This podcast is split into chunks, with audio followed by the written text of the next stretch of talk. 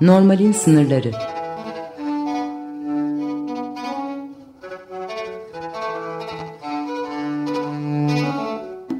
Klinik felsefe sohbetleri.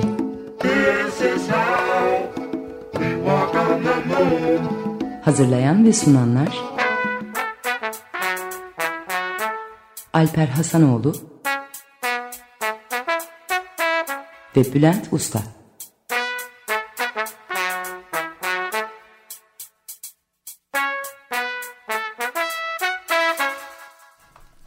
Merhaba, Normalin sınırlarına hoş geldiniz. Ben Bülent Usta. Merhaba, ben Alper Asunoğlu, hoş geldiniz. Ee, bu programımızda e, aileye devam edeceğiz. Geçen programımızda Nihan Kaya konuğumuzdu. Ve aile, İyi Aile Yoktur adlı kitabını üzerinden e, aileyi konuşmuştuk. Ama konu o kadar geniş ki e, yine e, mutlulukta olduğu gibi programı biraz daha bu konuyu sürdürelim istedik. E, çünkü e, fakat böyle ilk sen programın anonsunu yaparken kendi programında seks üzerine konuşacağımızı söylemişti. Aslında biz de öyle düşünüyorduk. E, sonradan hatta programın içinde e, Alper'le birlikte bu konuyu yeniden de devam edelim diye konuşmuştuk. E, birkaç program sonra seks üzerine de konuşuyor olacağız. Yani merak edenler biraz daha beklemek zorunda kalacaklar. Ee, peki neden aile bu kadar geniş? Çünkü aile böyle Claude Levi-Strauss antropolog onun dediği gibi doğa ile kültürün, cinsiyetlerin buluşması, doğa ile kültürün bir buluşması aslında ve bütün toplumsal şeylerin temelini oluşturuyor. Fakat aile e, üzerine geçen hafta konuştuğumuzdan, geçen programda konuştuğumuz konu dışında tabii çok farklı şeyler var, dinamikler var. Mesela bu programda tek eşlilik konusunu, e, ele alacağız. E, aynı zamanda çocuk yapma ile ilgili mesela e, Bowman'ın bir şeyi e, bir duygusal tüketim nesnesi olarak çocuk artık günümüzde böyle bir anlamı olduğunu e, söylüyor, iddia ediyor. Bunun ne kadar doğru olup olmadığını konuşuyor olacağız. Öyle değil mi Alper? Senin de... Evet, e, yani birazcık e, teorik e, bunlardan konuşurken aynı zamanda pratik şeylerden de e, bahsetmeye çalışacağız. E, ben e, son aylarımı çok fazla e, pratik bir şekilde teorik bir konuyla geçiriyorum. E, e, kendi içinde e, paradoksal olan oksimoron bir şey söylemiş olabilirim belki ama Nietzsche'nin hayatıyla çok fazla, Nietzsche'nin şiirleriyle çok fazla ilgiliyim ve bu arada da Nietzsche'nin annesiyle o ilgisi, ilişkisiyle çok fazla e, ilgiliyim ve okurken 19. yüzyıl e, çok enteresan bir yüzyıl e, bugünün e, WhatsApp'ı, e, bugünün e, sosyal medyası e, o gün o günlerde insanların birbirleriyle mektuplaşmaları hatta Almanya'da e, gündelik, günlük posta üç defa gidip geliyor pardon yani, yani üç, en az üç defa üç ya da dört olabilir çünkü mesela öğlene doğru e, öğleden sonra saat beş gibi birini çaya beklediğinizde e, onu çağırabilmek için e, post e, gelen eve gelen postacıya bir not iletip onu gönderebiliyorsunuz filan. Şimdi e, lafı e, ben birazcık böyle fazla konuşan bir adam olduğum için laf gereksiz yere uzayabiliyor. E, Nietzsche'nin annesiyle olan ilişkisinden e, birazcık böyle be, e, bahsetmek istiyorum. Ama o çok fazla evet aslında kendi içimde şimdi karar değiştirdim. Ben e, Nietzsche'nin annesiyle olan ilişkisinden değil de bundan e, 3-5 hafta önce e, çok genç bir danışanım ve annesiyle e, bir e, seansımız oldu ve ben e, tabii ki e, hiçbir zaman için e, yani biz terapistler için en önemli şey e, seans odasında bize anlatılan şeylerin bir başkasına e, aktarılmaması. E, tabii ki işte şu anda size bahsedeceğim şey e, hiçbir şekilde e, kimle ilgili olduğunu e, bilmiyor olacaksınız. E, genç danışanımdan hikayeyi anonim bir şekilde anlatıp anlatamayacağım konusunda izin aldım. O da abi birilerine yararlı olacaksa anlat ne olur falan dedi. Ee, bana niye abi diyor. Ee, o bizim kendi terapideyken e, onunla konuşmamız gereken şey. E, terapistine abi demeye e, başlamış olmasıyla ilgili olarak. Neyse e, e, hikaye şu aslında. E, bu genç e, arkadaşımız başarılı bir e, eğitim hayatı olan belirli bir zamana kadar daha sonra yurt dışında bir şey okumak için bir şeyler okumak için çok, yani çok sevdiği bir şey okumak için giden ama son bir senesinde e, ciddi bir anksiyeteye kaygıya kapılıp e, şey yapamayan e, okula bile gidemeyen birisi daha sonra e, memleketine geri dönüyor ve annesiyle olan ilişkisinde e, bir, e, bazı sorunların olduğunu düşünüyor ve annesiyle birlikte bana terapiye gelmeye başladılar ve e, annesinin sevgiyle sevgi üzerinden kendisine nasıl bir baskı yaptığını ıı, anlattı. E, ve annesine anlattı. Ben e, bana anlatmasını değil, bana e, değil annesine dönmesini ve annesine anlatmasını istedim. E, onlar konuşsun ben yalnızca eşlik edeyim onlara istedim ve şöyle bir şey anlattı ve e, bana çok etkileyici geldi e, anlattığı şey. Çünkü aslında bir anlamda bunu e, Türkiye gibi doğu toplumlarında e, ben de e, çok büyük ihtimalle kendim de ben ben kendim kendi ailemde yaşadım. E, umuyorum kendi çocuklarıma bunu e, böyle yaşatmıyorumdur. E, ama insan e, kendisinin ne yaptığını çok da bilemeyebiliyor. Ama hikaye şu. Anne diyor sen çok çok iyi bir insansın dedim e, seansta genç arkadaşımız. Ben seni çok seviyorum. Sana çok kızdığım da oluyor ama seni çok fazla seviyorum. Ama sen o kadar iyisin ve benim hayatımı o kadar çok fazla aydınlatıyorsun ve e, beni öyle e, hayatımı kolaylaştırıyorsun ki kolaylaştırdın ki ben yurt dışında çok çaresiz bir insan durumuna geldim. Ben tek başıma hiçbir şey yapamadım. Sen çünkü seninleyken hayat benim için çok kolay. Sen bir güneş gibisin anlatmak gerekirse, bir örnek vermek gerekirse dedi. O kadar ama öyle bir güneş gibisin ki yani Türkiye'deki işte Türkiye'nin güney sahillerindeki güneşler gibisin. Parlaksın, çok parlaksın ve e, gözümü alıyor artık senin bu e, bu parlaklığın. Ve bu güneş beni bu kadar aydınlatırken e, ben e, başka hiçbir şey görememeye başladım. Ama artık ben senin benim güneşim olmanı değil benim ayım olmanı ay olmanı istiyorum bana dedi. Çünkü e, ay olursan e, gökyüzünde ay olursan dolunay olursan yine beni aydınlatacaksın yine bana ışık vereceksin. Ama e, bu e, güneş olmaktan vazgeçip yalnızca ay olursan ben senin etrafındaki yıldızları hayatın diğer kısmını da göreceğim yıldızları da görebileceğim dedi. E, lütfen artık beni bir güneş gibi aydınlatmaktan e, vazgeçip e, güzel bir dolunay olur musun? Senin olan ilişkimiz o zaman daha güzel ve daha romantik olacak. Ben bu hikayeden, bu e, metafordan, bu e, anlatış tarzından çok etkilendim. Evet. Sanırım annesi de etkilendi, bilmiyorum. E, Nefis bir biraz. hikaye, evet. harika bir hikaye. Yani burada aslında e, böyle Kemberg'den vesaire başka şeylerden, psikoterapistlerden okuduklarımızda da anne, özellikle anneyle olan ilişkide bu kadar yapışması, çocuğuna ve bu kadar değil mi ayrışmaması onun kendisini gerçekleştirmesi önünde büyük bir engel. Hatta şöyle bir şey e, kullanılır pozitif ödipal oluşum için böyle psikodinamikte psikanalizdeki temel şey o ödipal çatışma komplekstir ya der ki zaman zaman mutlaka anne çocuğa sırtını dönmeli ve ya da baba kız çocuğu erkek çocuğu ve eşiyle ilgilenmeli. O zaman onun narsizmine ket vurur ve çocuk böylelikle o kendisini gerçekleştirecek o gerçekçi aynalamaya e, maruz kalır. Bu anlamda bu e, güneş, yakan güneş olayı, metaforu e, bence çok nefis bir metafor. Evet yani Kernberg yani şey demeye çalışıyor değil mi? Yanlış anlamadıysam. E, küçük minik hayal kırıklıkları yaşatmak evet. zorundasın çocuğa. Evet.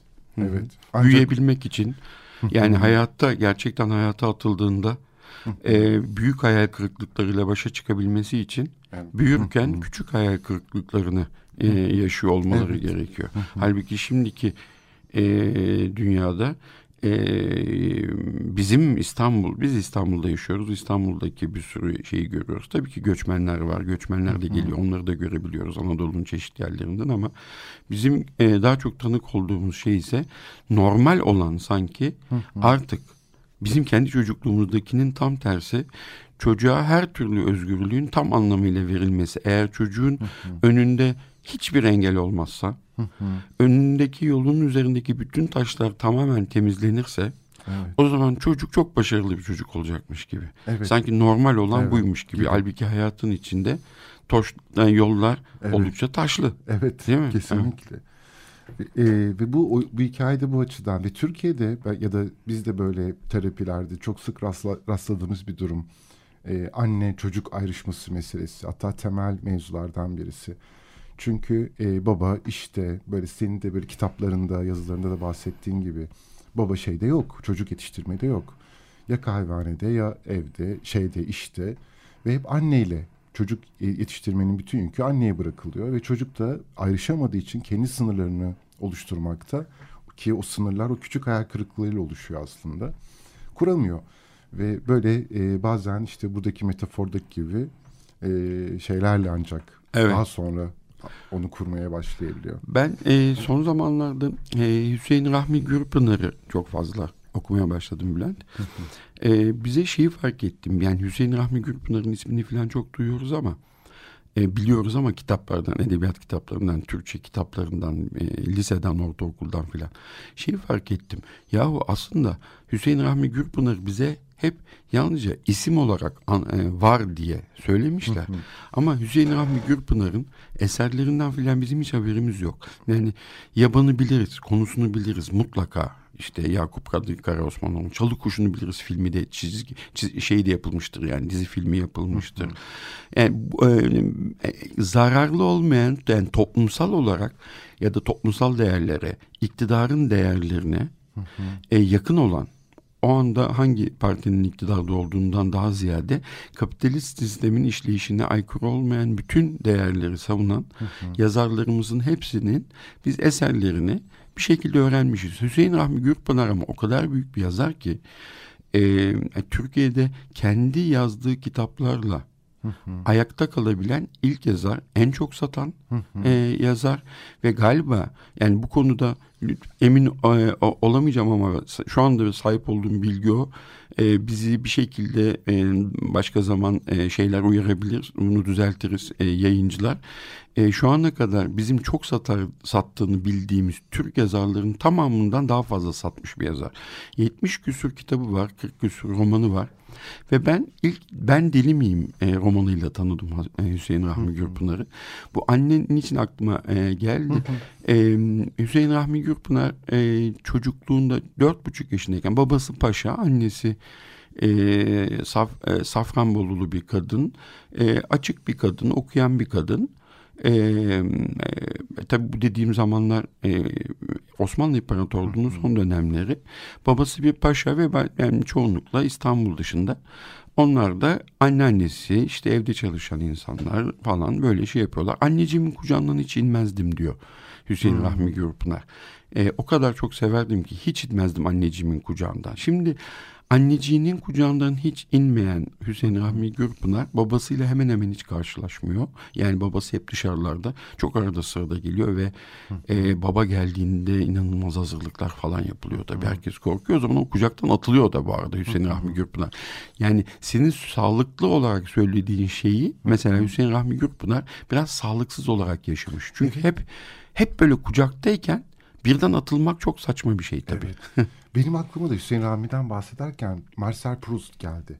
Proust da aynı şeyi mesela Kayıp Zamanın izindesinde, izinde o romanın ilk kitabında o öyle bir sahneden bahseder. Eve misafirler gelir ve o odasına gitmek zorundadır belli bir saatten sonra ve annesi gelmeden yanına uyuyamaz.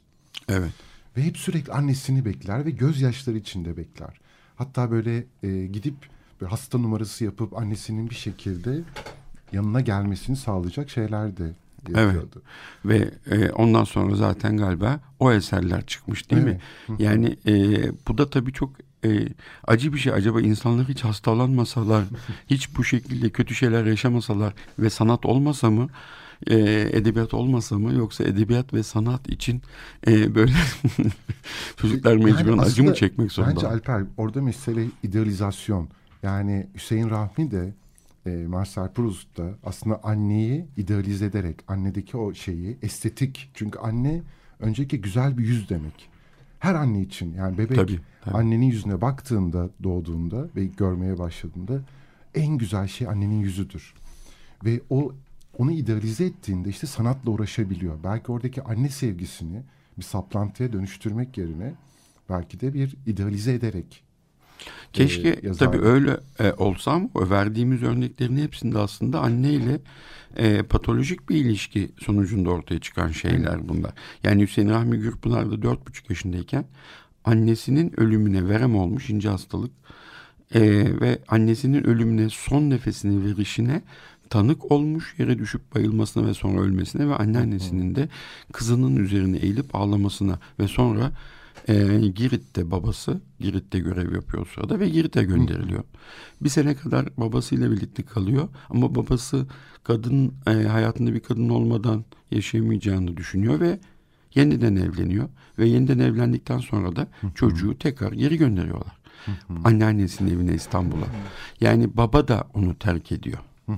Babası terk ediyor. Anne ölerek terk ediyor. Baba başka bir kadını seçerek e, terk ediyor. Yani, Ve anneannesinin evet. evinde e, Aksaray'daki bir konakta dadılar, komşular, teyzeler, anneannelerle büyüyen bir e, Hüseyin Rahmi gruplar var. Evet.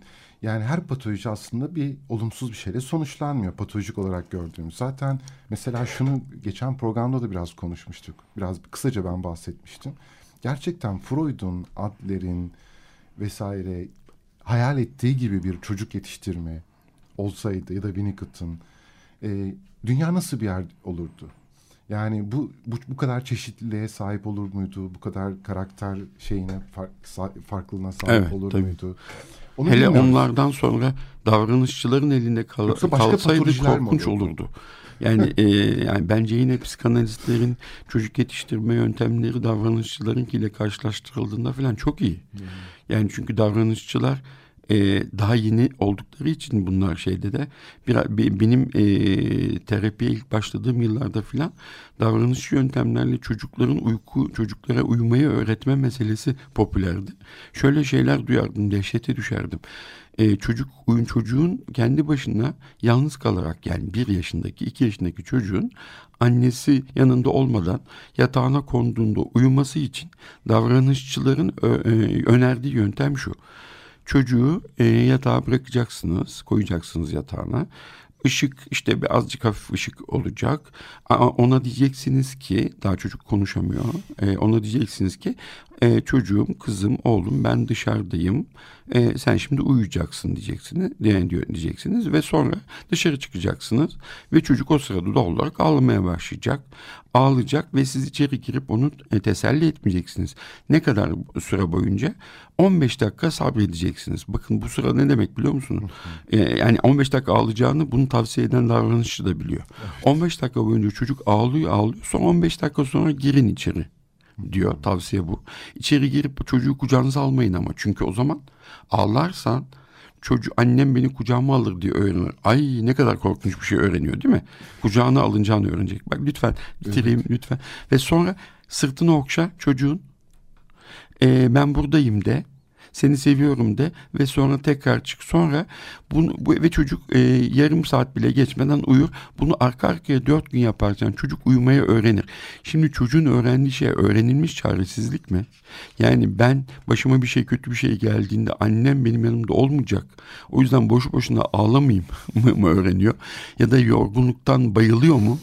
Yoksa uyumayı mı öğreniyor sen içeride e, o saçma sapan e, dizilerden bir tanesini rahat rahat seyret diye bilemiyorum. Evet. Pardon. Yani burada mesela o kadar bu sektör, öyle bir sektör, endüstri var artık zaten çocuk dediğimizde. İsterseniz bu, bu kısmı ben e, bir ara hmm, e, evet. ara verdikten sonra Tamam. E, girelim. Çünkü e, müzik arası istiyorlar bizden. Müzik arası istiyorlar. Evet yine evet, oldu. Müzik de şeyden aslında Lobster böyle belki bilenler bilir e, bir Yunanlı yönetmenin bir filmi. Oradan bir şarkı dinleyeceğiz şimdi. Hayır, e, e, burada Bülent'le bir anlaşmazlığımız oldu. Biz e, çünkü başka bir şey seçtik ve onları değil ha, mi? Evet, pardon. Evet, pardon. evet, evet, evet. evet. Çok tamam. e, özür dilerim Bülent. Evet. Ben, ben senin e, bunu konuşmadık e, evet, seninle evet, şeyden evet. önce, programdan önce. Tamam. Ben e, yine Eylül'le Yağmur'a müzikler e, seçtim demiştim. E, Pink Floyd'dan Mother geliyor. Açık Dergi. E, merhaba. E, biz e, ilk programdaki acemiliğimize döndük değil mi? E, evet. Şimdi Ama bir yandan daha keyifli oluyor bence bu acemilikler. Evet, Turgut Uyar şiir için şey der hep. E, hep acemi kalalım. Acemi evet. kalalım. O yüzden şiirdeki acemilik gibi bir şey oluyor mu bilmiyorum ama kendimize hani e, pay çıkarmak için Turgut evet, avuntu olarak. avuntu olarak. e, ya, bazı şeyleri birbirimize yanlış anlayarak evet. e, aslında reklam arası bile gelmemiş. Bize zorla reklam yaptırttık falan filan gibi bir sürü şeyler oldu. Ama öğreniyoruz. Öğreneceğiz. Her şeyi çok iyi yapacağız. Evet, Radyocu olacağız. Her şeyi gerçekten tam profesyonelce yapmak da çok zevkli bir şey olmasa gerek. Böyle e, evet evet. evet. Ben geçen programda başımıza ne geldiğini anlatmayayım şimdi. Gülümseyerek bana bakıyor arkadaşımız orada. evet sözü sana veriyorum ben. Böyle şeyden bahsederken o çocuk e, davranışçılara dair çocuklara verdikleri ya da çocuk e, yetiştirmeye dair verdikleri tavsiyeleri bunu çok daha ileri götüren şeyler de var. Mesela çocuğu bütün gece e, video kaydını alıyorlar. E, ve video kaydını e, o davranışçı işte terapiste kimse ona gönderiyorlar ve o onu izleyip video kaydını yor, şeyler yorumlarda bulunuyor ve tavsiyelerde bulunuyor. Anne ile çocuk arasına artık değil mi günümüzde bu tür şeyler yani anne bunu empati yapma ihtiyacını evet, evet. bir uzmana e, devretmiş oluyor. Değil mi? Evet. Kendisi sanki yapamazmış gibi. Halbuki e, yalnızca ya normal davranması lazım değil mi? İçinden geldiği gibi davransa zaten aslında çocukla çok güzel bebeğiyle çok güzel bir ya ilişki kuracak. Çocukla empati yapamıyorsa eğer kendisi kendisinin kaygılarıyla ilgili bir meselesi var demektir ve evet. buna çalışması yani çocuğa Tabii. yönelik bir ve şey hatta değil. Hatta yine kendisine... terapiye değil ama yine bir komşuya sorsa daha mantıklı olurmuş gibi ablasına e, teyzesine, anneannesine falan sorsa hmm. daha iyi bir şey yaparmış gibi geliyor bana. Bu arada hani e, sen biraz evvel söyledin ya davranışçıları kızdırmayalım diye. Ben şimdi e, dav bu arada ben kognitif davranışçı terapi eğitimi almış ve bunun eğitmeni olan, süpervizörü olan bir insan olarak konuşuyorum. Bence e, bunları zaten davranış yöntem olarak gerçekten böyle söyleyenler davranışçı, kognitif davranışçı terapinin ne olduğunu çok bilmeyenler diye düşünüyorum. Çünkü kognitif davranışçı terapi de e, insanları çaresiz bırakarak tedavi etmiyor. Yani evet. böyle bir şey yok. E, oradan da böyle bir yanlış anlam. Aslında senin uyarın o anlamda iyi oldu. Yani böyle bir şey yapmıyor yani. Kim kim evet. böyle yardımcı olabilir? Ama bir de böyle programdan önce sohbet ederken şey demiştin ya mesela psikanaliz üzerine konuşurken de bir şeye bir ekole çok girince o ekolü öğrenince çok katı olabiliyoruz. Evet. Yani psikodinamikçiler de olabiliyor, bilişselciler de olabiliyor. da olabiliyor. Ee, biraz böyle esnek olabilmek, başka ekollere de bakabilmek, onlar ne söylüyor. Ama en önemlisi galiba insana bakabilmek. Evet. Değil mi? Yani karşımızdaki insanın e, ihtiyacının ne olduğunu e, anlamak için uğraştığımızda ancak karşımızdaki insana yardımcı olabiliyoruz. Karşımızdaki insan, terapist olarak söylüyorum. Karşımızdaki insan benim terapi ekolüme uyar mı acaba diye baktığımızda pek bir şey evet. e, çıkmıyor. Ya da çıkıyor çünkü hani şey gibi oluyor o zaman. E, yalnızca görmek istediklerimi görüyorum. Evet. Ee, bu da büyük evet. bir yanılsama, büyük evet, bir hata. insanı tanımamış, insanı evet. görmemiş olurum ve zaten hepimizde çeşitli minik minik arızalar olacağı için ve e, e, ben karşımdaki insanda benim kendi ekolüm açısından bakarak bir arıza bulmaya odaklanırsam karşımdaki bana geldiğine göre mutlaka hastadır. Ve o zaman işte ben kognitif davranışçı terapistim ya da ben psikanalistim ya da ben geçtalt terapistim. Şu bakalım neler söyleyecek bununla ilgili mutlaka bir şey söyler. Evet. Nietzsche'nin bir lafı var. Bunu uyuyor mu bilmiyorum ama yani o lafın ne anlama geldiğini bir filozof arkadaşıma sordum. O da, da yani bana cevap vermedi ama siz boşluğa yeteri kadar bakarsanız bir süre sonra boşluk da size bakar. ne demek bilmiyorum ama çok güzel bir laf gibi geliyor bana. ee, ve burada mesela aslında böyle programın birinci yarısında bayağı edebiyat konuştuk. Evet. Ve e, böyle ikimiz de edebiyatla böyle ilgiliyiz. Ve bu anlamda mesela bunun edebiyatın insana anlamak, insana bakmak açısından değil mi? En önemli aslında araçlardan Hem birisi. Hem de nasıl? Hem de nasıl? Ve senin de böyle çeviriyle uğraştığını da ben biliyorum. E, ve Nietzsche ile ilgili bahsedeceğin şey de zaten Nietzsche üzerine yaptığın çevirilerden Evet, evet, evet. Ve evet. çeviri yaparken de sadece sözcükleri değil, o yazan kişinin hayat hikayesine, nasıl düşündüğüne, değil mi? Evet, Nietzsche ile ilgili olarak o işte hakikaten annesiyle olan ilişkisi benim çok ilgimi çekmişti. Ee, yani Nietzsche'yi birazcık bilenler bilirler. Böyle Nietzsche e, güç e, ve kudretle çok ilgili bir insanmış gibi. Hatta o kadar yanlış anlaşılmıştır ki güç ve kudretle olan ilişkisi sanki o nazizme e, nazizmin temelini oluşturan e, ideolojiyenin temelini oluşturan felsefe Nietzsche'den geliyormuş gibi algılanmıştır bir süre. Tabii bu e, antisemitist olan e, kız kardeşi nedeniyle de olan bir şeydi ama şimdi annesiyle olan ilişkisine baktığımızda da çok çok çok hoş. Yani Nietzsche'nin de babası çok küçükken ölüyor. Çok böyle küçük bir kasabada yaşıyorlar. E, ve o küçük kasaba protestan bir, e, bir kasaba e, dinin çok önemli oldu. Babası da papaz zaten şeyin en Nietzsche'nin. Nietzsche dört e, yaşındayken babası ölüyor. Beş yaşındayken erkek kardeşi ölüyor. Şey pardon tam tersi. Dört yaşındayken erkek kardeşi, beş yaşındayken babası. Ve onlar o küçük kasabadan e, daha yani babaannelerinin olduğu başka bir yere gidiyorlar. Orada e, annesine 5 ee, yaşındayken Nietzsche mektup yazıyor. İşte bir süre bir ayrı kalmak durumunda kalıyorlar. O mektupta şöyle bir şey söylüyor. O yani o güçlü Nietzsche'nin gürültülü bıyıklarıyla, post bıyıklarıyla e, halini düşünürseniz şimdi söyleyeceğim e, mektup çok acayip e, böyle şirin ve insanın içini böyle böyle aslında yani böyle empatiyle yaklaşırsak böyle çok böyle acayip duygularla dolduran bir şey. Sevgili anneciğim diye başlıyor. E, seni çok özledim e, seninle aslında e, bu yanında olmanı ve sen isterdim ve seninle muhabbet etmek isterdim. Ama şu anda yanımda olmadığın için sana bu mektupçuğu yazıyorum. E, durmadan seni düşünüyorum, seni ve Elizabeth'i, Elizabeth kız kardeşi. E, bana göndermiş olduğun elmalı turtayı çok sevdim, yedim, çok hoşuma gitti, çok teşekkür ederim. Ben çok iyiyim, e, çok neşeliyim, mutluyum. Bu arada araya giriyorum. Annesi üzülmesin diye neşeliyim, mutluyum diyor. Büyük ihtimalle çok canı sıkkın. Ve ama sonra, sonra satır başı yapıyor ve şey diyor. E, ama şimdi artık yazmayı bırakmak zorundayım. Çünkü çok yoruldum. Senin itaatkar Şimdi e, 19. yüzyılda şimdi o itaatkar Friedrich Nietzsche, Friedrich Almanca'da hani bizde de kısaltılır Mehmet Memo olur ya. Friedrich de Fritz oluyor. İtaatkar Fritzçi evet. olarak yazıyor filan. E, şimdi bütün hayatı boyunca da mektup yazmaya devam ediyor. Şimdi yani e, Zerdüşler filan zamanında artık Tanrı öldü filan diyor ya.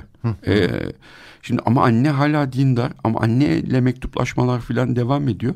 Annesine yine böyle çok acayip bir mektup, sevgi dolu bir mektup yazmış durumda. Anneciğim şu çorap gönder bana.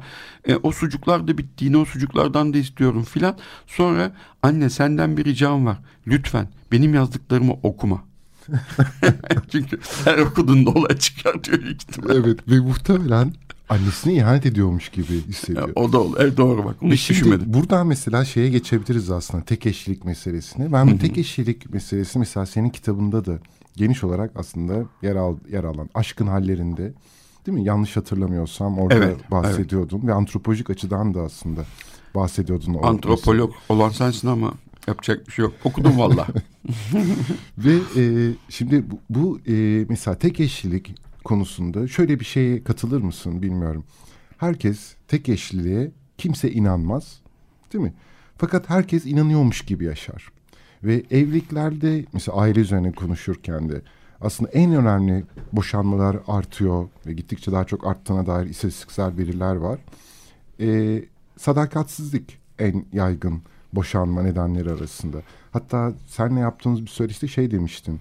WhatsApp çıktı, mertlik bozuldu gibi. Hmm. WhatsApp yüzünden e, ayrılıkların, boşanmaların sayısının çok... Almanya'daki boşanma davalarındaki dosyalarda bizlerde istatistik yok ama Almanlarda çok e, e, boşanma dava dosyalarının yüzde doksanında WhatsApp geçiyormuş. Hı hı. Oradan yakalan yakalanıyorlar evet, WhatsApp'tan. Evet, evet. Evet ve e, bu mesela şeye baktığımızda da tek eşlilik meselesine başka bir sürü çalışma var tabii bu konuyla ilgili. Genellikle tek eşliği seçen kişilerin aslında hala çocuk kaldıklarına dair yani anneden ayrılamama meselesinin bir devamı gibi yaşadıklarına dair şeyler var. tespitler var. Sadakatsizlik bir tür aslında çocukluktan çıkış, ayrılış gibi.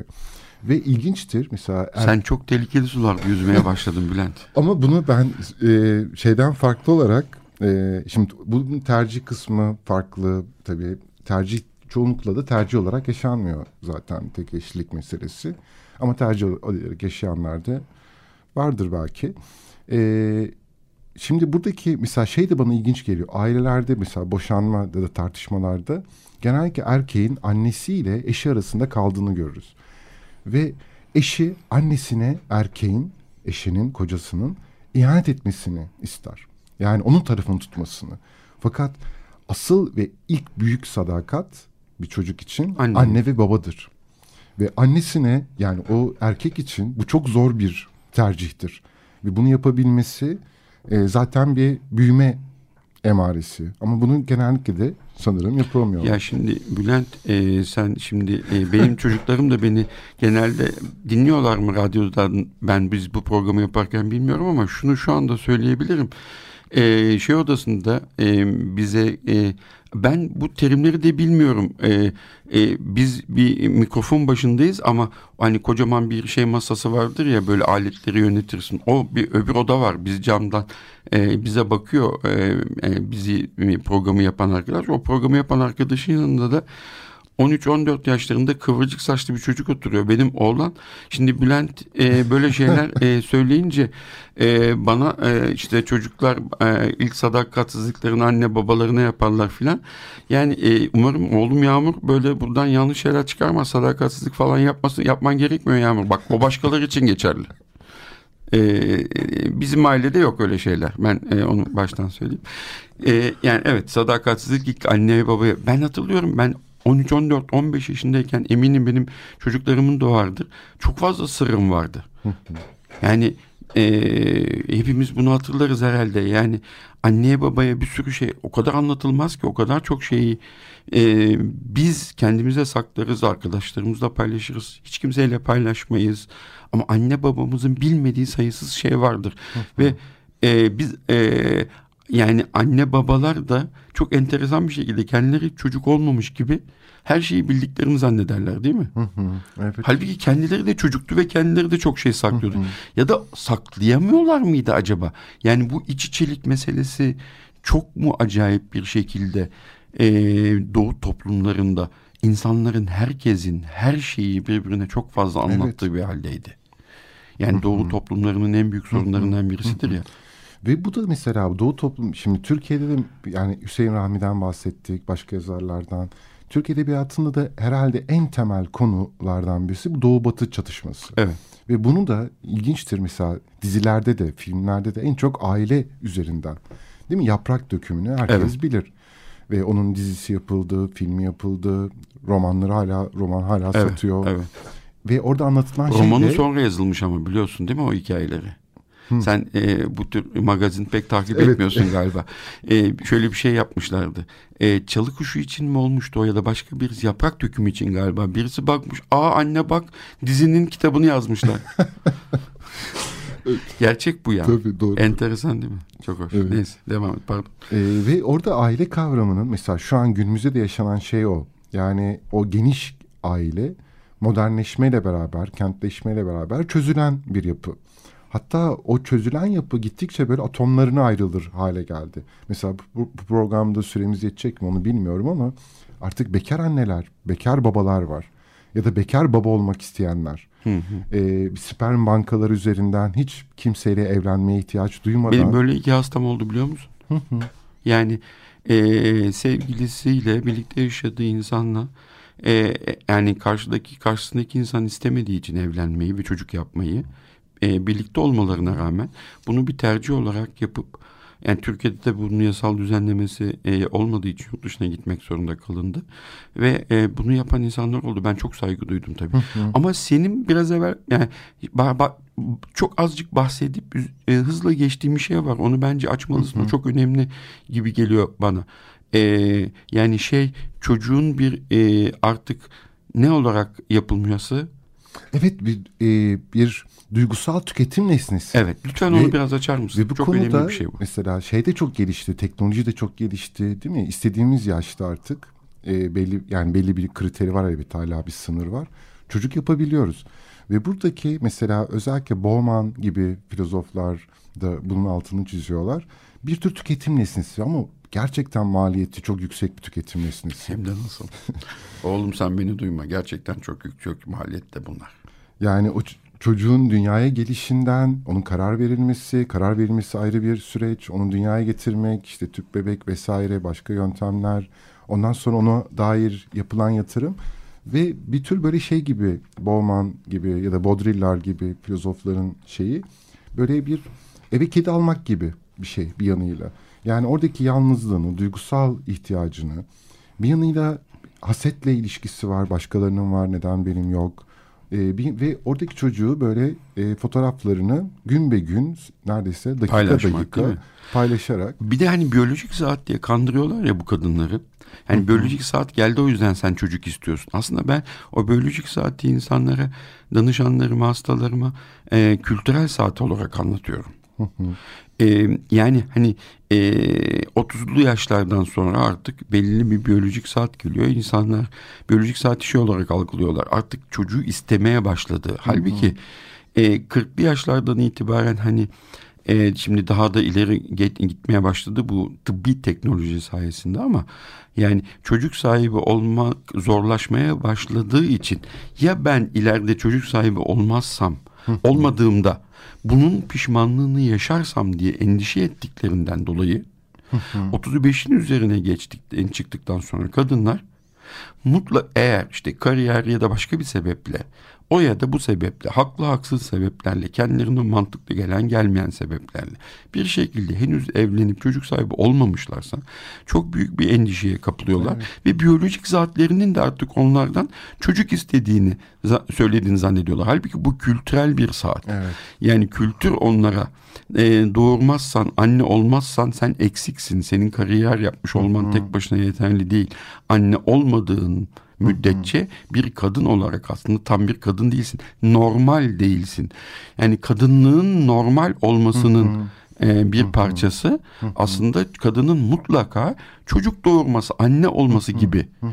E, acaba antropoloji bu konuda ne diyor Bülent? Ya, antropoloji bu konuda o kadar e, bir yanıyla çok karışık. Çünkü antropolojinin mesela tek eşlik konusunda antropoloji şunu diyor. Hatta geçen programda bahsetmiştim. Murdoch diye bir e, antropoloğun yaptığı bir çalışma. 250 toplumda yaptığı çalışma. Sadece 54'ünde tek eşlilik, sadakat bir şey olarak, kural olarak var. Diğerlerinde yok. Evet. Yani demek ki buradaki normali, o tek eşlik normalini oradaki kültürel ihtiyaç belirliyor. Evet. Ama e, şimdi günümüzde de bu e, değiştikçe toplum. Mesela şöyle diyenler var. Bir Alman seksolog e, Volkmar Sigusch diye birisi diyor ki Eros'un Eros gitti. Artık kardeşi var. Çok ee, enteresan. Kardeşi de Anteros. Anteros hmm. da karşılık, karşılıksız aşkların intikam meleğiymiş. Wow, Eros'un kardeşi. Artık Eros'un yerini Anteros aldı. Yani burada şunu demek istiyor. Aslında bunu Eric Fromm'un yazılarında da başka yazılarda da biliyoruz.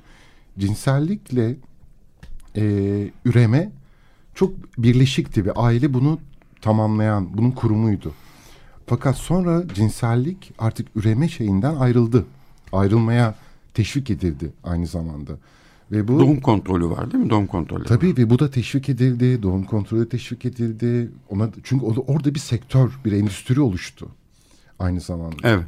Ve bu bunun sonucunda da artık cinsellik e, şey yaptı. Yani cinselliği yaşamak için bir aile kurmak gerekmiyor. Evet, evet. Bir de ama ben sanki şöyle de bir e, yani benim antropolojik okumalarımdan hatırladığım şu şey de şu. Çok zor eriştim bu bilgiye. Çünkü gerçekten antropolojik olarak da bu bilgiye erişmek yani antropologların çünkü antropologların çalışma alanı aslında çok zor. Yok ki yani hani olmayan bir şey ortaya çıkan kimle konuşacaksınız? ya da yani yazının olmadığı eski zamanlarda ne hangi bilgileri kullanarak değil mi? Evet. E, çok büyük bir buluş değil mi Bülent? Cinsellik yaşamakla çocuk doğurmanın yani seks yapmanın çocuğun doğmasıyla ilişik olduğunu bulmak, fark etmek çok büyük bir buluş değil mi? Evet. Çünkü e, yani, yani bugün seks yaptınız, doğru zamanda seks yapmışsınız yani e, a- kadının yumurt kadını yumurtlama zamanında denk gelmişse 9-10 ay sonra çocuk oluyor. Ama bugün yaptığımız e, seksin 9 ay sonra bir çocuk çocuğa sebep olacağı bilgisine erişmek gerçekten çok ciddi bir bil- e, farkındalık. Yani e, bunu da ne zaman insanlar fark etmiş diye ilk olarak e, çok okudum aradım. Sen belki bunu biliyorsundur ama benim bildiğim öğren şey yaptım bu 10 bin yıl falan önce ilk olarak anlaşılıyor. Yani 200 bin yıllık Homo sapiens tarihinin 190 bin yılında zaten insanlar seksle, cinsellikle e, çocuk sahibi olmayı bir arada görmemişler ki. Bu çok yeni bir şey yani. Ve burada zaten genel antropolojik böyle yaklaşım yani bu aile kavramı zaten kültürün temeli e, ve aile de erkek ve kadın cinslerinin buluşması, o cinselliği ve çocuk yapmayı keşfetmesi. Çünkü diğer canlılardan farklı olarak çocuk e, doğar doğmaz yaşamaya kendi başına devam edemiyor Evet. ve mecburen bir bakıma ihtiyaç var. Evet. Ve bu bakımı da aile sağlıyor. Anne baba sağlıyor. en Ya da temelde. e, kabile sağlıyor. Evet öyle mi? örnekler Köy de var. sağlıyor yani eskiden. Ve o, zaten Levi Strauss da onu doğa ve kültürün buluşması olarak tanımlıyor. Yani cinselliğin bir aileye dönüşmesini. Evet. E, fakat günümüzde bu sonrasında ayrılan bir şey. Artık cinsellik ve aile Evet. böyle birbirinden ayrılmaya başlıyor. Ve zaten sorunlar da orada başlıyor. Yani sadakat meselesi orada başlıyor. Tek eşlilik, çok eşlilik. Galiba biz bu e, gelecek programı bu sadakat ve tek eşlilik e, meseleleri üzerine tamamen yalnızca bu konuyu konuşmak üzere ayıralım mı? Çünkü dikkat edersen oraya gelebilmek için uğraştı, uğraşırken ve yanlış anlaşılmamak için bir altyapı hazırlamaya çalışırken çünkü e, şöyle bir şey anlaşılmasını da gerçekten istemiyoruz. Yani e, sadakatsizlik ve e, yapılır normaldir yapın. E, tek eşli olmayın e, çok eşli ol yani e, bunun program öncesinde biz konuşurken e, bunun bir tercih mi bir, bir kültürel bir zorlama mı olduğu ile ilgili konuşurken filan kendi aramızda bile e, şey yapamadık çok anlaşmaya varamadık. Bence o yüzden gelecek programı yalnızca bu konu üzerinde ve belki de tekrar kendi daha önceki okumalarımıza filan bir bakıp yalnızca sadakat ve tek eşlilik üzerine konuşalım diyorum ve e, bize çok az zaman kalacak. Ben tek bir parçayı daha şey yapacağım. Sonra sen e, ben e, şey yapacağım. Kalan bir süremiz olursa senin son sözleri senin söylemeni istiyorum. Ben şimdiden teşekkür ederim. İki hafta sonra sadakatsizlik ve tek eşlilik e, üzerine konuşacağız. Şimdi dinleyeceğimiz parça e, Paul Simon'dan Mother and Child Reunion. Alper son sözleri bana bırakmıştı. Böyle son iki dakikamızmış. Ee, aslında biz burada şunun altını çizmeye çalıştık bu programda.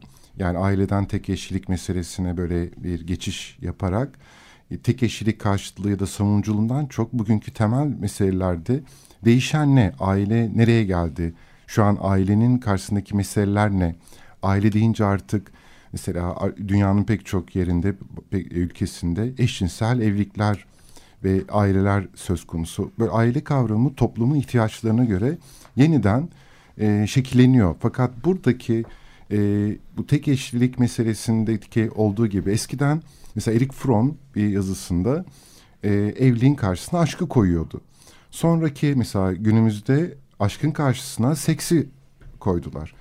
Buradaki zaten hep kıyaslanan şey aşk ve aşktaki temel şey de biriciklik duygusu. Tek eşlilik e, aslında o biriciklik duygusunun eğer bir karşılığıysa anlamlı ama bir dayatmayla e, oluşuyorsa o zaman problemler çıkıyor. Çünkü sürekli bir endişe herkes günümüzde yani bizim okuduklarımız, izlediklerimizde karşılaştığımız şey herkes ihanete uğruyormuş gibi hissediyor sürekli. Bu ihanete uğruyormuş gibi hissetme zaten temel psikolojik meseleler arasında. Projeksiyon olabilir mi acaba? Mesela.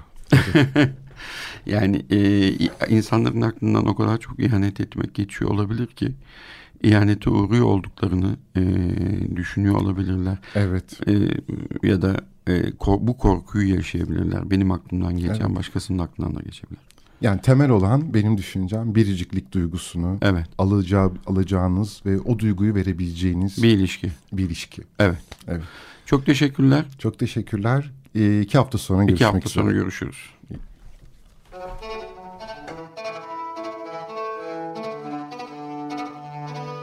Normalin sınırları.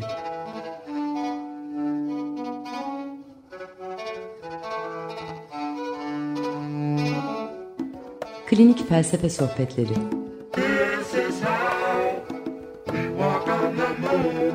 Hazırlayan ve sunanlar Alper Hasanoğlu ve Bülent Usta